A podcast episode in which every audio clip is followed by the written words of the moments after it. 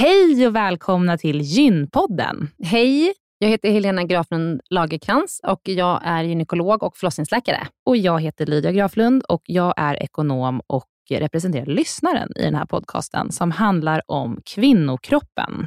Det är vetenskaplig fakta om kvinnokroppen och det du hör i den här podden är det som man kan höra om man får träffa en läkare eller en barnmorska i ett eh, möte. Men ibland så bjuder vi in gäster som berättar om sina personliga erfarenheter och ibland är det också spekulation, men då är det verkligen tydligt att det är spekulation. Annars är grunden för den här podden vetenskaplig fakta om kvinnokroppen. Så är det. Hoppas att ni vill lyssna. Välkomna. Välkomna.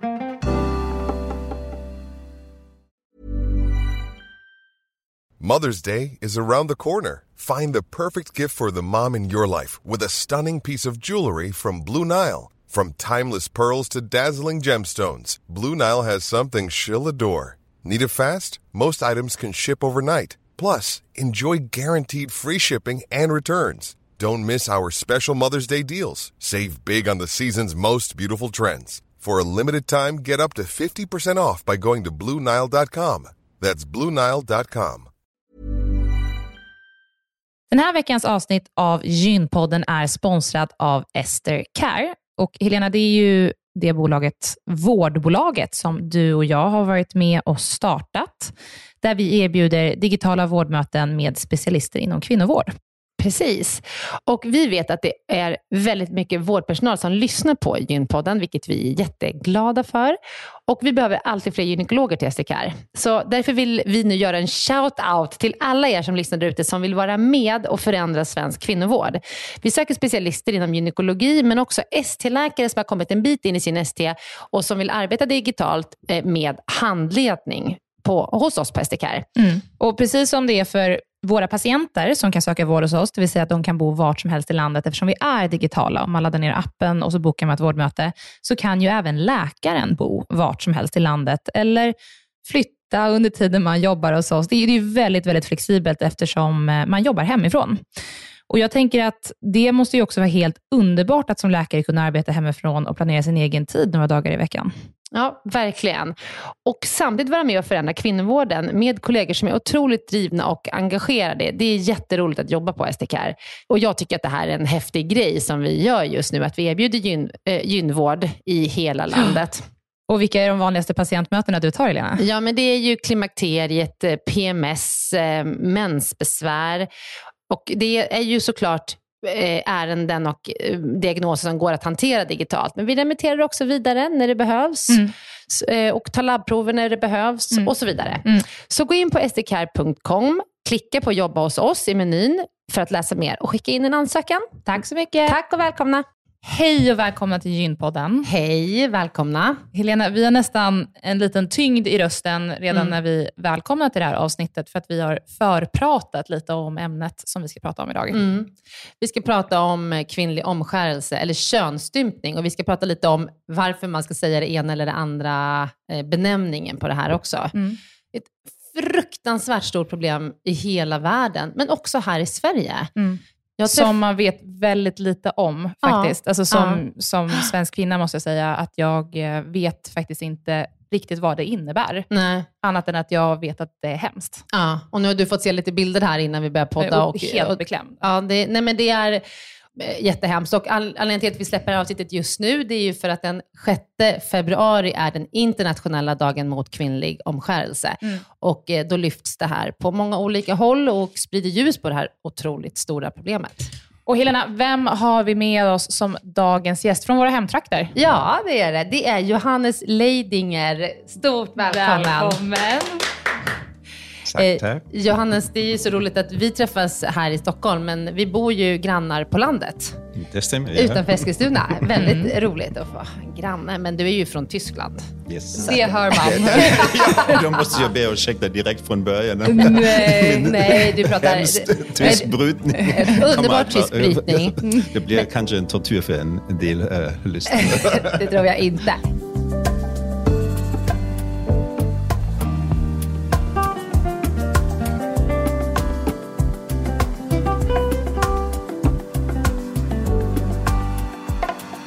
Johannes är specialist i eh, förlossningsvård och gynekologi och du jobbar allra mest med eh, fostermedicin just nu. Det vill säga att du gör ultraljud och yes. utreder Ja.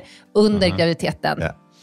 Eh, och så leder du mycket informationsmöten om kvinnlig könsstympning. Eh, det ska du få berätta mer om, för det är väldigt intressant tycker jag. Och du föreläser regelbundet också för sjukvårdspersonal, både här i Sverige och i ditt hemland Tyskland bland annat. Och du, har, ehm, ja, du är styrelsemedlem i Läkare Utan Gränser. Och eh, ja, du har många strängar på din lyra. Men idag så ska vi prata om kvinnlig omskärelse. Hur har du kommit in på det, Johannes? Första gången att jag kom i kontakt med det här, och det var faktiskt in, under en av mina projekter som jag hade utomlands. Mm, Det var jag sedan 80-talet. Jag gör då och då projekter med olika organisationer som redan var nämnt att jag var i tio år styrelsemedlem av Läkare utan gränser. Men det var 85, det var omedelbart efter jag slutade med universitetstiden som nyexaminerad läkare var jag på ett projekt i Kenya, i ett litet missionssjukhus. Eh, Och det var en patient som kommer från gränsen till Somalia och barnmorskan som brukar egentligen ordna allt omkring förlossningarna själva. Och de tillkallade oss för att det var en så stor förlossningsskada att eh, vi skulle hjälpa dem att laga den. Mhm. Och det var så hemskt, så har jag inte sett tidigare och jag kunde inte förstå var, varför hade det blivit så stor skada. Eftersom hon var könsstympad som, som barn. Det var hennes första barn och vi var tvungna att sitta och ett par timmar för att, för att laga det här igen. Att det blir till slut en ja, acceptabelt tillfredsställande eh, slutresultat. Och då fick hon, ändå, träff, första- ja, då fick hon ändå träffa dig, Ja, eller träffa en ja, läkare. ja, men många kvinnor exakt. får ju inte göra det. Exakt, det är mer undantag att man träffar en läkare under, under förlossningen. Och det var första gången som sagt, jag var ju nu nybörjare i, inom specialiteten och jag hade aldrig hört tidigare under universitetstiden om det här. Och jag måste faktiskt erkänna, även senare när jag var på, under specialistutbildning i, i Tyskland, jag har aldrig hört om könsstympning. Man visste att det finns, man hade uppfattning, det är enstaka fall Ja. som hände i, i djungeln, men inte om den här dimensionen som det var. Nej. Och när man går in och, och informerar sig själv med, då kan man ju nästan inte, inte sluta med det. Det är, det är på ett negativt sätt, äh, negativt sätt fascinerande eftersom man vill ju, det här kan man inte fortsätta med. Vi måste ju göra något, att Ja. det här slutar som en, som en Jag tradition. har så mycket frågor. Ja, Och de du- är ganska basic. Ja, men kan vi inte börja fråga, hur stort, hur utbrett är problemet? Ja, om vi pratar nu om en äh, global dimension. Det är ungefär 200 miljoner kvinnor som är könsstympade. Äh, och det är olika typ. Vi kan prata om olika klassificering lite senare. WHO har olika typ, definierat olika typ av könsstympning. Äh, varje år tillkommer 3,6 nya fall, om vi vill prata om 3,6 fall. miljoner. 3,6 miljoner nya fall. Mm. Är det lika vanligt idag som det var för tio år sedan? nu måste man se differensen. Äh, antal, absoluta antal är tyvärr ökande eftersom populationen växer. Mm. Men prevalensen, så per capita i olika länder, det går ner om vi vill se något positivt. Mm. Men eftersom äh, populationen i olika länder växer snabbare än prevalensen går ner, är det faktiskt ökande incidens. Så det är mer än vi hade för tio år sedan.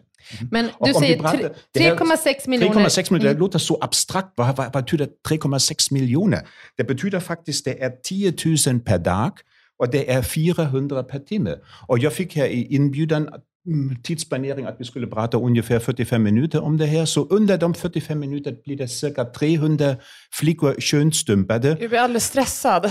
Men så är det ju. Det är inte bara enstaka fall. Det är en enorm dimension, både och från en individuell nivå, för de enstaka flickor förstås. Det kan förstöra deras, deras liv. En del dör direkt. 10 procent dödlighet har vi omedelbart. Så av de 300 kommer 30 dö inom de närmaste dagarna och för resten kan det vara början av ett livs, livslångt tortyr faktiskt. Kan vi gå in på vad könsstympning är? Ja. Om vi tar det som en definition, det finns ju en, egentligen, hemsidan från WHO är ganska bra om det här. Med massor med fakta, inte så mycket eh, emotionellt, men mer fakta som det här är vetenskapligt bevisat och i så fall är WHOs hemsida något som jag absolut kan rekommendera om man vill gå lite djupare in i det här ämnet. Och könsstympning är definierat genom WHO. Nu kan ju faktiskt ha definitionen. Det omfattar alla ingrepp som rör borttagande delvis eller helt av de yttre genitalierna eller annan påverkan på de kvinnliga könsdelar av kulturella eller andra icke-medicinska skäl. Mm. Så om man, om man skadar de kvinnliga könsorganen per grund av traditionen, per grund av någon myt, att man har fel uppfattning varför det skulle göras, men inte per grund av någon medicinsk mm. anledning. Mm. Vi pratar naturligtvis inte om en operation, vulvaoperation per grund av cancer. Det är inte könsstympning. Nej, mm. nej och det, jag kan inte tänka mig att det går till på samma sätt. Nej, det nej. är... Nej. Men, men mm. och, och liksom mer för mig som inte har kommit i kontakt med det här alls, vad mm. är det man gör? Man skär alltså bort blygdläpparna. Ja, och WHO de definierar faktiskt fyra olika typer. Typ 1, en, nu ser jag bara mild, det är jag tycker det är fortfarande hemskt, men det ja, är en mildare form ja. av äh, könsstympning. Borttagande av klitoris, förhud och eller äh, en del av hela klitoris. Så alltså vänta, borttagande av klitoris? Man, man, klipp, och... man klipper bort klitoris och förhuden omkring klitoris. Ja. Det är en, den mildaste formen som, som mm. finns, som är ganska otypiskt. Och mm. syr man igen någonting då? Nej. Ah, I det här okay. form kan man sy igen, eller man, man, man täcker det här med olika örter, eller man, man fixerar det med tråd eller med metall. Eller, uh, får, men, får flickorna bedövning? Nej, du får ingen bedövning. Och det gäller tyvärr alla de fyra typer som vi pratade Vanligtvis är det utan bedövning. Ja? Utan narkos, utan anestesi. Det är tortyr. Yes. Och det, här, och det är de här... alla känsliga ja. kroppsdelar som, ja. som, som finns. Så att ta bort, mm. att ta bort klitoris och förut till, till klitoris, det är den mildaste typen? Det är den mildaste typen. Sen är den typ oftaste typ, det är typ 2 som också kallas som sunna. Och då tar man mm, klitoris helt eller partiellt Alltså, helt eller delvis. Nu hjälper ja, jag helt till eller del, Exakt, helt eller delvis, inklusive äh, labia minora, så de små blygdläpparna, delvis eller helt. Äh, de små blygdläpparna, alltså de inre? De inre mm. blygdläpparna, ja. Mm. Och sen syr man ihop, men man har fortfarande en, äh, en öppning kvar, säger vi så. Mm. Men man syr ihop det som annars hade varit öppet, så det blir exakt. trängre. Ja, det var, absolut. Det, öppningen, vaginalöppningen är smalare. Uh. Helt klart. Jag tror vi mm. nästan får lägga ut det här sen på vårt Instagram med en sån här, liksom, klicka om du vill se, för det är hemska bilder. Bilderna men... de är inte så enkelt att, att, att, uh. att orka faktiskt med. Nej, ja. nej. Och, vi kanske men om man pratar det. om könsstympning kan man inte... Jag är faktiskt lite skärrad från att du visade bilder här nu. Ja, ja. Alltså, jag det var ju bara ett par minuter att jag tittade på dem. ja. ja. Okay, men det, faktiskt... Så grad två, då tar man bort klitoris, de inre blygdläpparna och så syr man ihop men man lämnar fortfarande en, liksom en vaginal öppning. Exakt, mm. ja. Och sen är det typ 3, det är den form som är maximal invasiv. Det kallas också som infibulation eller faraonisk omskärelse. Och där tar man bort klitoris, inre blygdläpparna, delvis också yttre blygdläpparna och man syr ihop hela vaginalöppningen och slutöppningen är så mycket som kanske vara mindre än en lillfingret eller som en, som en penna. Ah. Uh, bara för att att hon kan kissa. Mm. Uh, Men hon det, kan inte ha sex?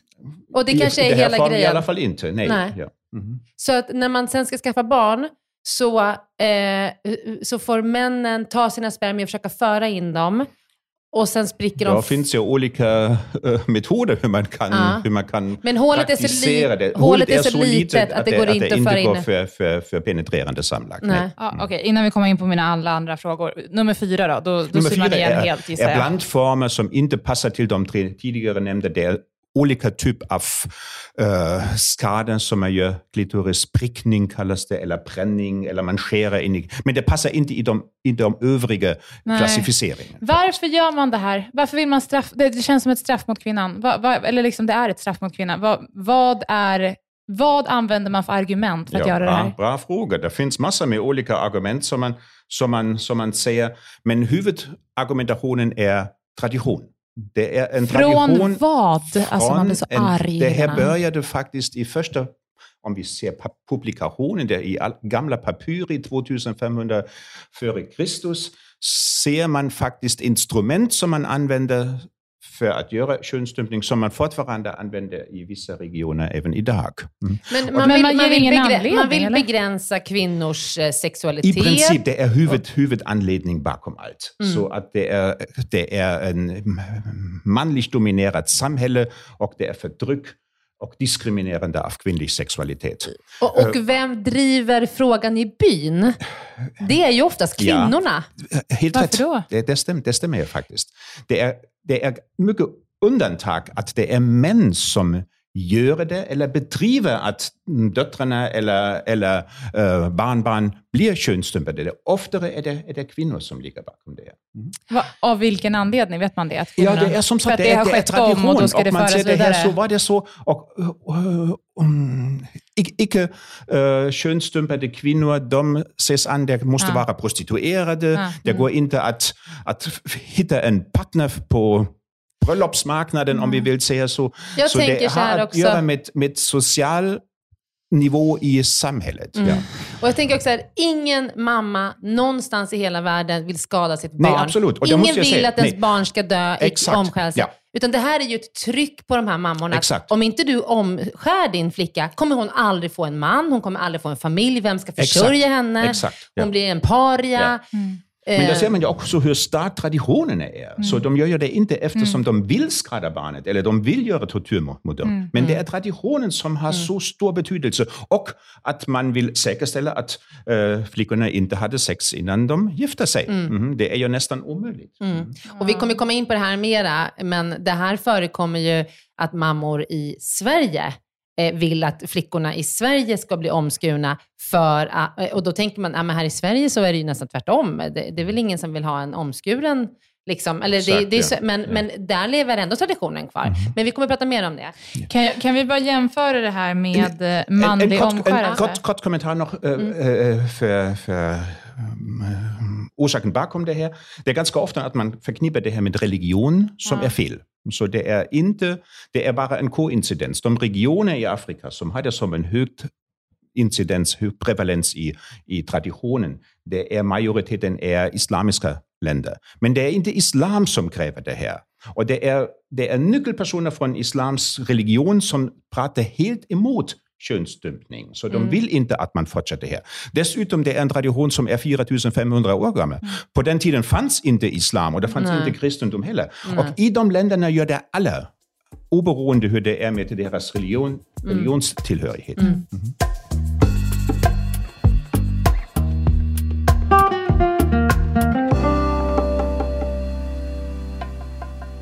Kan vi, kan vi relatera det här till manlig omskärelse? Eh, Nej, och jag vill, i- jag vill absolut inte blanda det ihop. Det Nej. är två helt olika grejer.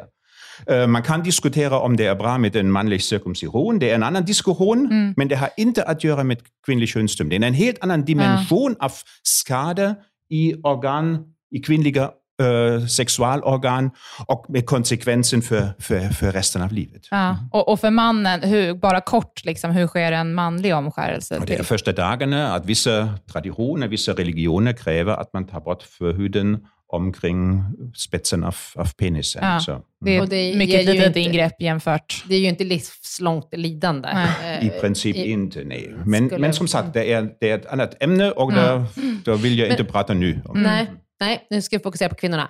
Du, vi pratade lite kort innan vi började podda om, eh, ska man kalla det kvinnlig omskärelse eller kvinnlig könsstympning? Vad är din... Ja, eh, både, både nomenklatur Så. finns.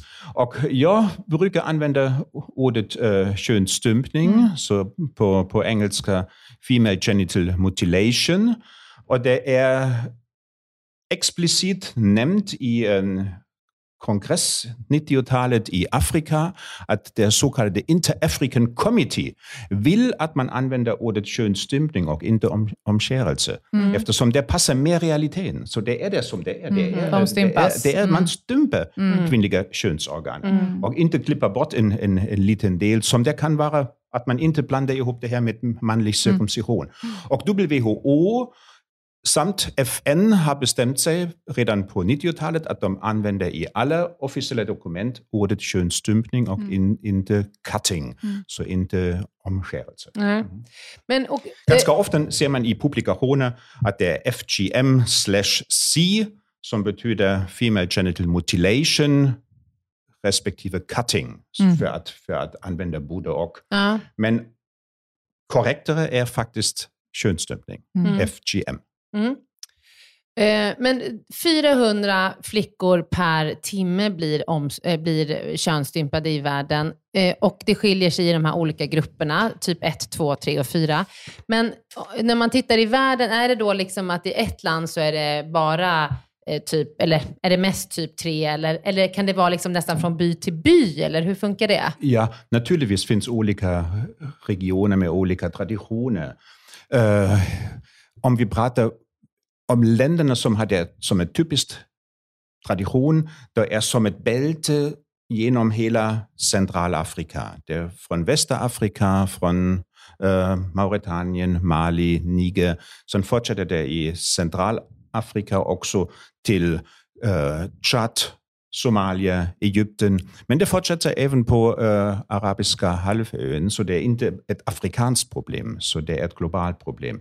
Sen har vi det i, äh, i vissa regioner, i gränsregionen mellan Iran, Irak och äh, øh, Turkiet, i vissa etnier från, som, som, som bor där. Vi har ett relativt högt prevalens också i Indonesien, så upp till 50 procent är, är könsstympat i Indonesien, som man inte har som huvudfokus när vi pratar om könsstympning. Nej. Och sen har vi naturligtvis idag en, en global migration som gör att man gör det i princip i, i hela världen. Ja, det tar ju sig in på hur vanligt är det i Sverige. Eh, ja, om vi pratar om kanske ett steg tillbaka, hur vanligt är det i de olika länder? Det varierar naturligtvis. Det finns länder som har en ganska lågt prevalens och länder som har en mycket hög prevalens. De som är bland annat de högsta prevalensen har vi i Somalia och vi har många invandrare från Somalia även här i Sverige. I, Somalia är det nästan 100 procent prevalens, så nästan alla 98 eh, eh, 99 procent, enligt siffrorna från Unicef och eh, WHO. Mycket högt också i Egypten, 90 procent. I Mali också mer än 90 procent. Eh, Indonesien, som jag sagt, 50-50 procent. Så det varierar ganska, ganska mycket. Och i, eh, om vi pratar nu om Sverige, vi har ja, många invandrare som kommer från, från länderna som har det som tradition. Första plats är det, är Somalia, Eritrea, eh, Etiopien, eh, Egypten eh, och även en länder från, från Västafrika. Och siffrorna från eh, Socialstyrelsen, de, är, de säger, det är de officiella siffror som vi har från 2015, faktiskt innan det här stora vågen med migration började faktiskt. Eh, Vi måste anta idag är det ännu mer. Siffrorna från 2015 är cirka 40 000 kvinnor som bor i Sverige som är könsstympade, som kommer från länderna som har det som en tradition. Och sen är det mycket spännande att se, vi har ju också en stor riskgrupp. Det är flickor till föräldrar som är född i länderna som har det som en tradition. Och det är Socialstyrelsens siffra 19 000 i året 2015 som bor i Sverige, som är potentiellt under risk. Men de, man genomför väl absolut inte könsstympning i Sverige? Nej, det är olagligt och vi har faktiskt i Sverige en av de skarpaste lag som, som finns. Redan eh, 85 var det specifiskt lag mot könsstympning och det skärptes även i 99 att det är olagligt även om, det, om man gör det utomlands. Så det behöver inte ens vara här i Sverige. Även om föräldrarna tar, tar barnen med sig till hemlandet och man gör det i hemlandet, då är det enligt svensk lagstiftning fortfarande, Fortfarande ola- olagligt. olagligt. Och det är så jag, de jag gör. Tänker att det, har- att, jag tänker att det förekommer. Ja. Att, eh, jag skulle, så tänker jag. Det vet jag inte, men jag tänker... Ja, vi har vet du, inte, finns har, det något Vi har fall ju som inte vet? officiella siffror hur, hur ofta det händer. Eh, sedan lagstiftning finns hade vi ett par fall som dömdes i Sverige faktiskt. Första, eh, Föräldrar eller? Föräldrarna, ja. Mm. ja Som faktiskt, hade ja. skickat Som hem hade flickan då? Hem, och sen, hem barnen Jag tror jag att det- läst om det här. Ja, Mm. och det var ganska länge efter, efter lagstiftning att det fanns första fall och nu för en, två år sedan fanns det en, två nya fall. Mm. Så det är relativt lågt eh, antal Ja, eh, av som blir fall. dömda i alla fall. Mm. Jag kan, att, det, att, det, att, vi, att vi upptäcker i alla fall kan ju nästan inte tro. Det finns en Nej. studie från Frankrike, om man vill jämföra. Kanske Frankrike är inte exakt lika sensibel med, med, med, med tema, temat, eh, Øh, och som de øh, kanske följer, följer inte upp lika bra som vi gör det här i Sverige. En studie från Frankrike att man behandlade 3000 kvinnor och gjorde en öppningsoperation respektive en form av rekonstruktionsoperation.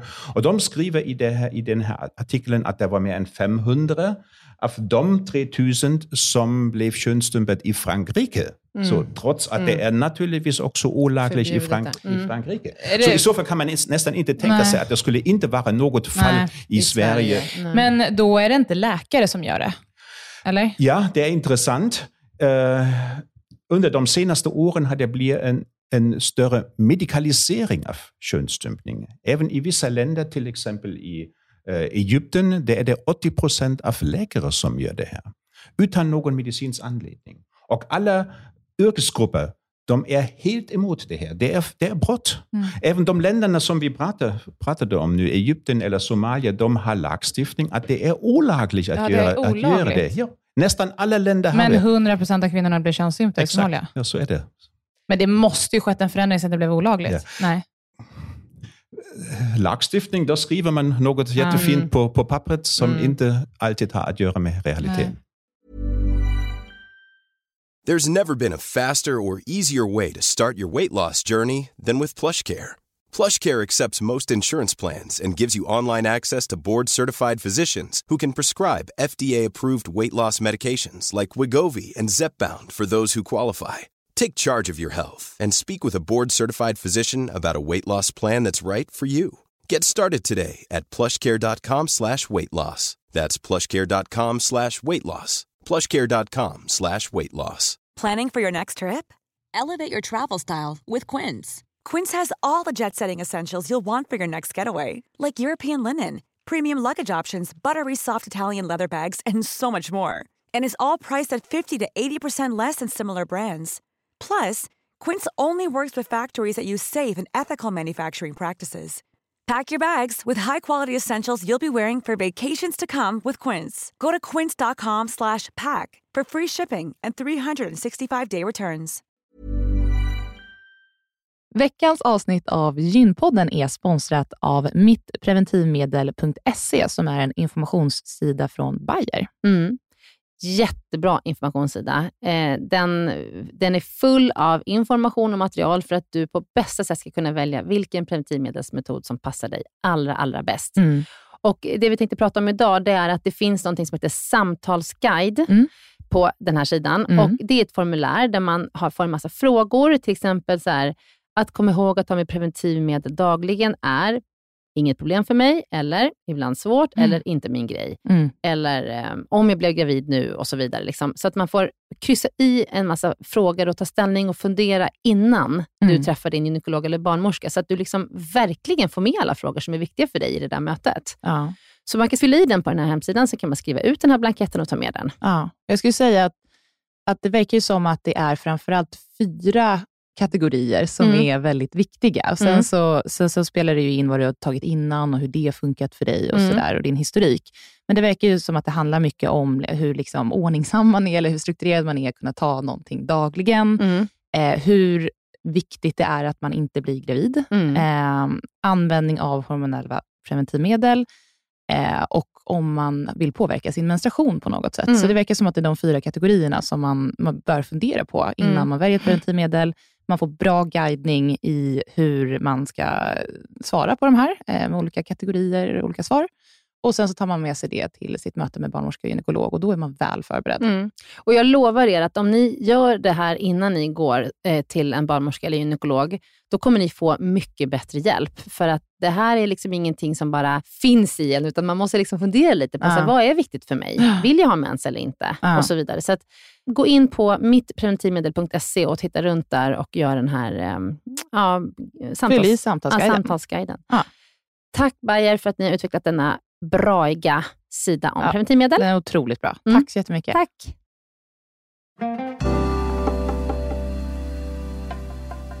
Men Johannes, när du är ute och föreläser eh, i somaliska grupper här i Sverige, hur liksom går diskussionen efter din föreläsning? Vad, vad har de för frågor? Vad har de själva för åsikter? Om man, för det är ju mycket somaliska kvinnor som du träffar då. Yes, Mm. ja. Eh, Och eh, jag måste säga, det är, feedback är alltid mycket bra. Mm. Mm. Så de är intresserade. Mm. Nu måste jag naturligtvis också säga det kommer till föreläsning bara de som är intresserade, inte Ja. de som, som stannar hemma. De, ja, de, de når man inte så, så helt enkelt. Men de som kommer till föreläsning, de är mycket intresserade, mycket open-minded.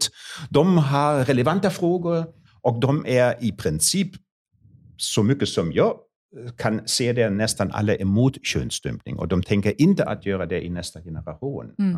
Jag hoppas att det stämmer också Mm. i realiteten. Man kan säga ganska mycket och till slut reser man med, med, med flickan hem till, till hemlandet och föräldrarna är inte, inte i närheten och mormor äh, initierar könsstympning äh, när föräldrarna är inte, Mm. inte i, på plats äh, och det är det gjort.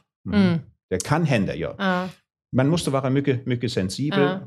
Och um, huvudjobb är ju förebyggande arbete, Mm. Ja. information, att eh, berätta att det har bara negativa kon konsekvenser. Mm. Och eh, det förstår ju nästan alla att, att det är så. Mm. Och ja, man kan hoppas att det är efter, en, efter nästa generation att det blir mindre och mindre. Mm. På tal om konsekvenserna, eh, den tredje nivån där, där Ja. man syr igen ganska mycket, det måste ju leda till massa infektioner och eh, alltså, Mm, jag svårt kan kissa. Tänka mig... Ja. Alltså strålen går ju då, alltså kissstrålen kommer ju inte heller ut på ett naturligt sätt. Nej. Den rinner ju ner via liksom ur, i slidan ner ut genom det här lilla hålet.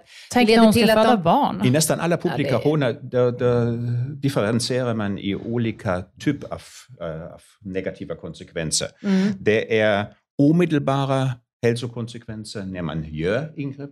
Att det, att det gör mycket ont Mm. förstås. Mm. Det är små flickor. Det blöder mycket. I, I vilken ålder brukar man göra ja, på det dem? är, från början var det som en initiationsrit faktiskt. Att Alltså det de är var nyfödda, gränsen, inte, inte Nej. nyfödda, så från gränsen till barn till ungdom, till Mhm. vuxen. Nu kan man ju definiera vuxenåldern på olika sätt, men det var i början mer i 8-9 års åldern. Mm. Men det har kommit mycket ner. Nu, idag är det mycket oftare att man gör det i, även hos nyfödda barn eller i 2-3 års åldern. Uh, äh, anledning är att uh, äh, det är som sagt olagligt i nästan alla länder och de vill inte att flickan är så medveten om att man gör det här, så det är enklare uh, att göra ingrepp hos, hos ett barn som är två år än ett, hos ett barn som är nio år, år gammal. Um, och det har som, som sagt som konsekvensen att att man gör det bara, så Mm. barnet kan inte komma inte aktivt ihåg att man har gjort det här. Nej. Det var en del Man, av- det har alltid varit så. Ja. Men du, har du, har du, eh, ja förlåt, nu var vi inne på var- var- konsekvenser. var jag Vi på fortsätter med konsekvenser. Det är konsekvenserna. så kort, korta konsekvenser, det är huvudsakligen är det blödning och infektion. Det är ju osterila instrument som, som man gör det här. Blödning är huvudanledning att en del dör. Och enligt publikationen är det upp till 10 procent av flickorna som dör i samband med ingrepp på grund av majoriteten på grund av eh, hemorragi, så är livshotande blödning. Mm. Och sen är det långtidskonsekvenser. Att det är så, så smal i, så, så snäv i vaginalöppningen att det går långsamt att, att kissa. Nu pratar vi speciellt om det här typ 3 infibulation. Um, att det kan vara även problem att in, inte ens menstruationsblod kom, kommer ut. Mm. Det, uh, man kan ha abscesser. Det Alltså man får varbölder inne, inne ja. i Sen kan det vara så kallade pseudocyster, alltså cyststrukturer som ligger i regionen av, uh, av klitoris tidigare, som vi ser ibland här i mottagningen. Hänger du med nu Lydia? Nej. Nej. Alltså, eh, abscesser är ju varbölder Mm. och eh, pseudocyster, det är alltså små vätske, vätskeblåsor som ligger eh, kring området för, för klitoris. Som bildas, det bildas ju ofta så efter att man har skurit i vävnadet så kan det liksom Exakt, bli ja. kroppens svar att Ja. man bildar såna Och det är blåsor. fortfarande en form av en sekretion så, Och- och, det ja, bildas i, det. en, så, Mm. i så kallad pseudocyster eftersom det tillhör ju inte i det här regionen. Att det, att Och de spänner och gör ont. Och Ja, och sen är det ju omöjligt att ha, att ha samlag. Ja. Ja. I alla fall inte i det här typ, typ 3 uh, in, infibulation. Uh, Men också så att man har tagit bort klitoris, man har skurit bort inre blygdläpparna, så även om man kan ha samlag så är det såklart, det, alltså det leder ju till att kvinnor inte ska kunna njuta av samlag. Ja, nu är det ja, uh, det är inte klitoris som... Det, eller säger vi så, inte att man har klitoris eller inte har klitoris kan leda att man kan ändå ha tillfredsställande sexualliv. Så det är ju mycket mer än bara klitoris. Mm. Men ändå, det, det hjälper ju inte, så Nej, kan man ju säga. Ja. Så det är mer skada, helt klart mer, mer, mer, mer skada. Mm. Och att det kan leda till frigiditet, att man, har, att man kan inte njuta av äh, samlag när man hela tiden har ont. Så att man har förtroendeförlust. Det var föräldrarna som lämnade jag barnet till, till det här omskärelska. Så det har många konsekvenser även i relation till, till, till maken senare, om, mm. om, om hela sexuallivet är, är bara, bara fruktansvärt. Men ähm, tänk ändå vad otroligt stark kulturen är i oss. Att man är utsatt för det, att man har de här problemen och ändå låter man det bästa och finaste man har, alltså sina döttrar, att genomgå mm. samma rit. Tänk vad stark den traditionen är. Det är svårt att ta till sig. Men du, om vi träffar en kvinna här i Sverige som är omskuren så har man ju möjlighet att få hjälp för det. Du yes. har jobbat på en mottagning här i Stockholm, eller hur? Ja, exakt. Mm. På, på Södersjukhuset finns en mottagning som heter Amel-mottagning och de är fokuserade på äh, hjälp för omskurna kvinnor. Mm. Mm. Och de har cirka 100 nya fall per år. Tidigare jobbade jag också här på Södersjukhuset, där var jag tätare kontakt med, med dem. Men jag har fortfarande en jättebra kontakt med kollegorna som fortfarande jobbar där. Och det är en mycket professionell mottagning. Om man har kvinnor som man inte kan hjälpa själv på, uh, på, på, sitt eget sjukhus, då är det i alla fall en bra adress att man kan skicka patienten dit.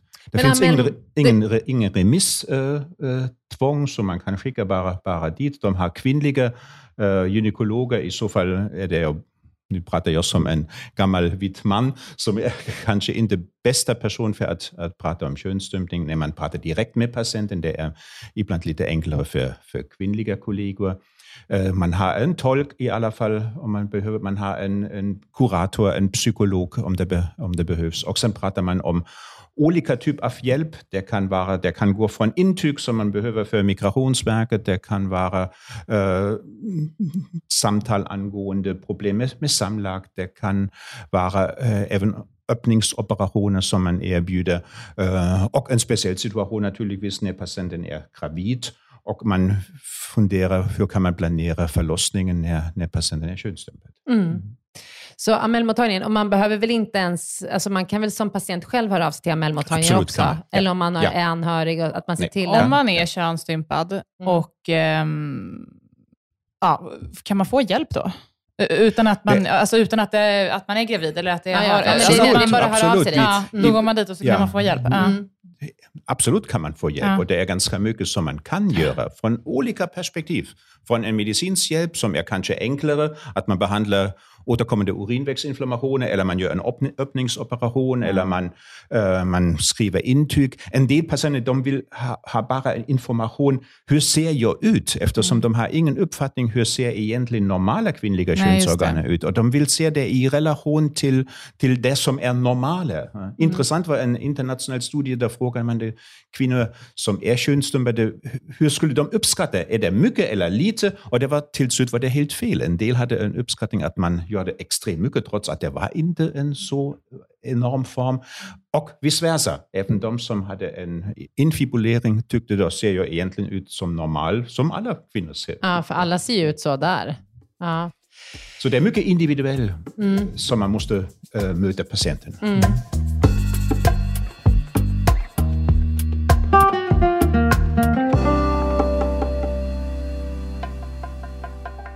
Eh, nej, men om man tittar på vad man kan göra, när man lyssnar på det här så blir man upprörd över att det här sker. Vad, vad, kan man som privatperson göra? Eller finns det organisationer som jobbar mot det här? Du gör ju ett jättejobb, men jag kan ju inte, göra, jag kan inte gå ut och föreläsa om könsstympning. Ja, I princip, aktiviteten där ligger på olika nivå.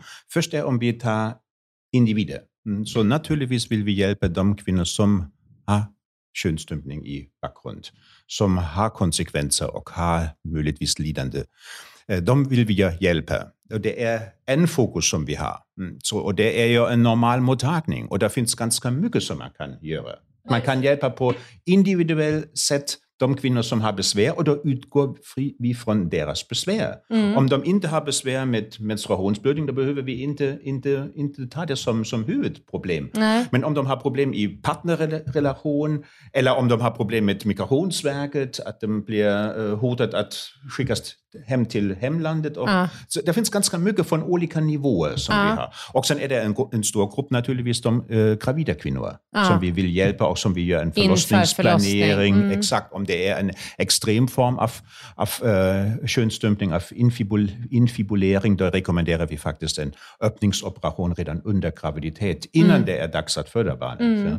En del som har en mildare variant kan vi äh, säkerställa att man gör det i samband med förlossningen. Mm. Och ännu viktigare att man säkerställer att att man, att man lagar det här efter förlossningen mm. på ett professionellt sätt, att slutresultatet blir tillfredsställande. Mm. mm. Så att det är positivt. Ja, och efter en förlossning så syr man ju aldrig ihop Absolut, igen. Absolut, och det är självklart exakt så olagligt som, ah. som uh, könsstympning från ah. början. Det är helt olagligt i Sverige att sy ihop det igen. Mm. Och det är egentligen ingen patient som vill att man... Nej, att eller hur? Det borde, nej. nej.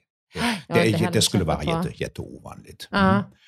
Um, Egentligen, om vi mm. fokuserar, vi skulle älska att träffa patienten lite tidigare. Majoriteten av patienter som vi träffar, nu pratar jag om Sörmland eftersom det är en mottagning som jag är mer uh, Ja, du jobbar med, i Eskilstuna och där bor det mycket somaliska kvinnor. Exakt, mm. ja.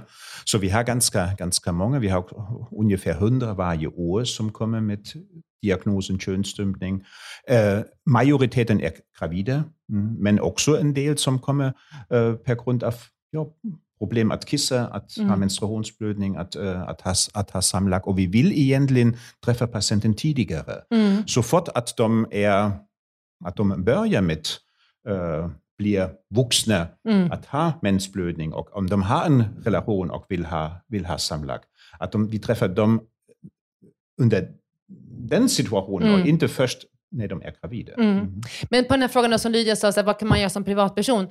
Bara det att vi att vi är medvetna liksom, i skolan, att man uppmuntrar på ungdomsmottagningar, var man än träffar eh, kvinnor som kan vara utsatta, att man behöver ju inte heller fråga rakt ut, men man kan säga så här, det finns den här hjälpen Nej. att få. Ja, exakt, ja. Och det finns program för olika yrkeskategorier, mm. om det är nu en sköterska som, som är på skolan, eller om det är även polisen som måste mm. ha information om det här, mm. eller en äh, fröken på, på dagis. Mm. Att, man är, att man skaffar sensibilitet. Mm.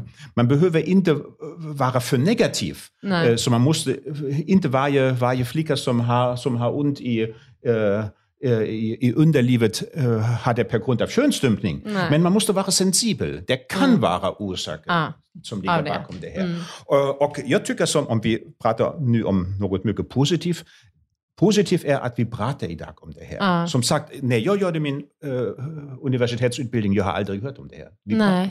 man hade uppfattningen det är enstaka fall. Inte ens när du läste till gynekolog? Nej, nej. Är konst, det sant? Ja. För det tycker jag ändå inte. att vi ja. har pratat mycket om. Ja. Mm. Och det är, det är mycket positivt. Och det här utbildningsprojektet mm. för olika yrkesgrupper, även för de som kommer från länderna som har det som en, som en tradition. Mm. Och naturligtvis också att skaffa kompetens för yrkespersonal, som medicinsk personal, att man vet vad vi pratar om. Om mm. vi hör från, från kvinnor hur de har första kontakt med sjukvården, det är ganska ofta faktiskt frustrerande. Ja, mm. Så att det är mycket oprofessionalitet fortfarande. Mm. Och det här är att, att de möts av okunskap menar du? Ja. Mm. Mm, ja. Uh, och det är faktiskt en det är bra att, vi, att det finns så mycket informationsmaterial och att mm. vi diskuterar det här idag. Mm. Så på sikt har vi ja klar förhoppning att det blir mindre Bättre. och mindre. Ja. ja. Det här kommer och inte nu... att försvinna inom en generation. Nej. Så det tar, det tar tid. Ja. Men nu säger du att det är förbjudet i alla länder i hela världen. Nä, nästan i alla länder i hela världen. Vart är det tillåtet någonstans? Vet du det? Jag kan inte säga om Nej. det är Nej. Men om man ser hela listan så det är även om det, var, om det var sent, att det var först på 80 eller 90-talet, men nästan alla länder, inklusive Somalia som har, som har en nästan 100 procent prevalens eller 98 procent prevalens, mm. där är det, är det olagligt. Ja, det är det. Mm. mm. Får jag fråga, bara som en avslutande fråga, har du, du har ju rest och jobbat med Läkare Utan Gränser. Ja, inte bara med Läkare utan gränser, men bland annat. Jag var ja som sagt tio år styrelsemedlem av Läkare Ja. utan gränser i Berlin.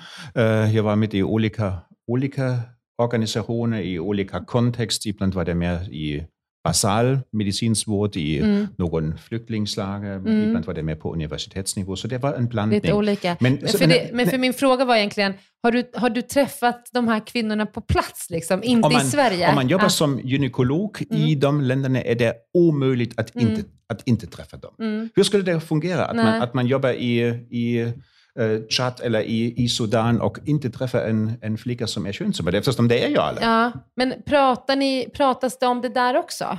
Det finns projekt som är anpassat till det här kulturella ba- bakgrund i de länderna. Mm. Ja, det gör det. Och då måste Mm. man göra det så sensibel. Ibland fungerar det, ibland fungerar det inte. Mm. Så man måste, ganska typiskt är att man, att man försöker att ha ett nätverk så man inblandar även nyckelpersoner från samhället. Mm. Det kan vara politiker, det kan också vara från kyrkan, det kan vara imam som Mm. är mitt i den här gruppen som gör informationskampanjer. Mm. Och där finns exempel att det har gått ner i prevalensen i vissa länder ganska mycket. Tyvärr finns också länder som, som inte gör så bra bra progress, där faktiskt prevalensen nästan går lite, lite upp.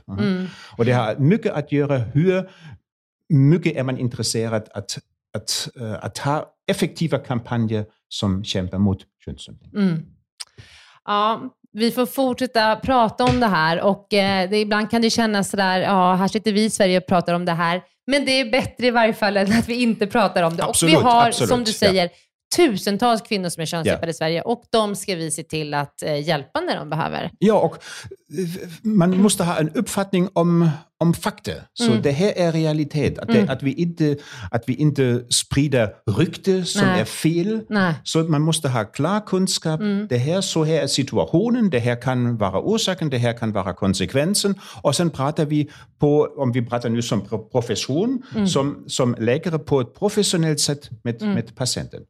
Så det är, de flesta patienterna, de, om de har kl- klagomål, är det att de har uppfattning att att barnmorskan eller läkare, att de inte hade en uppfattning vad vi pratar om. Nej. Så det var första gången att de var en överraskning, hur ser det här ut? Så att de inte hade tillräckligt mycket kunskap i, i bakgrund för att, för att möta en patient som är könsstympad. Jag fattar. Ja, du, tusen tack för det otroliga jobbet du gör. Det, vi... Jag, jag tackar för, för inbjudan. jag, kan, jag skulle ju vara i läget att fortsätta nu två timmar till att prata om det här ämnet. Du- Inte eftersom jag tycker att det är så skönt, men det, jag tycker det, Det är är, absolut viktigt. viktigt. ja. Ja. Både och från en, från en individuell perspektiv Mm. av de enstaka flickor som, är, som det kan vara tortyr för hela, hela livet. Mm. Och för, även från en, från en global perspektiv eller från, från, från, från, från, från samhället, att Mm. det är ett stort problem i vissa regioner även för, för, för generell kvinnohälsan. Ja, ja, ja, absolut. Ja. Ja, tack Johannes. Ja, Ha, på ja. återseende. Ja, jag tackar för inbjudan i alla fall. Ja. Tack, hej.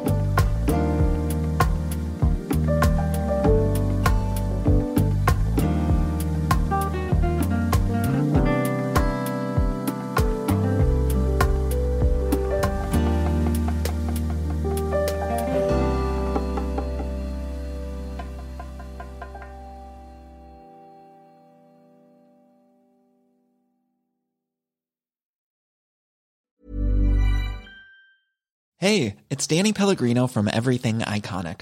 Ready to upgrade your style game without blowing your budget? Check out Quince. They've got all the good stuff shirts and polos, activewear, and fine leather goods, all at 50 to 80% less than other high end brands.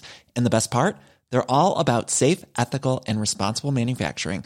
Get that luxury vibe without the luxury price tag. Hit up quince.com slash upgrade for free shipping and 365 day returns on your next order. That's quince.com slash upgrade.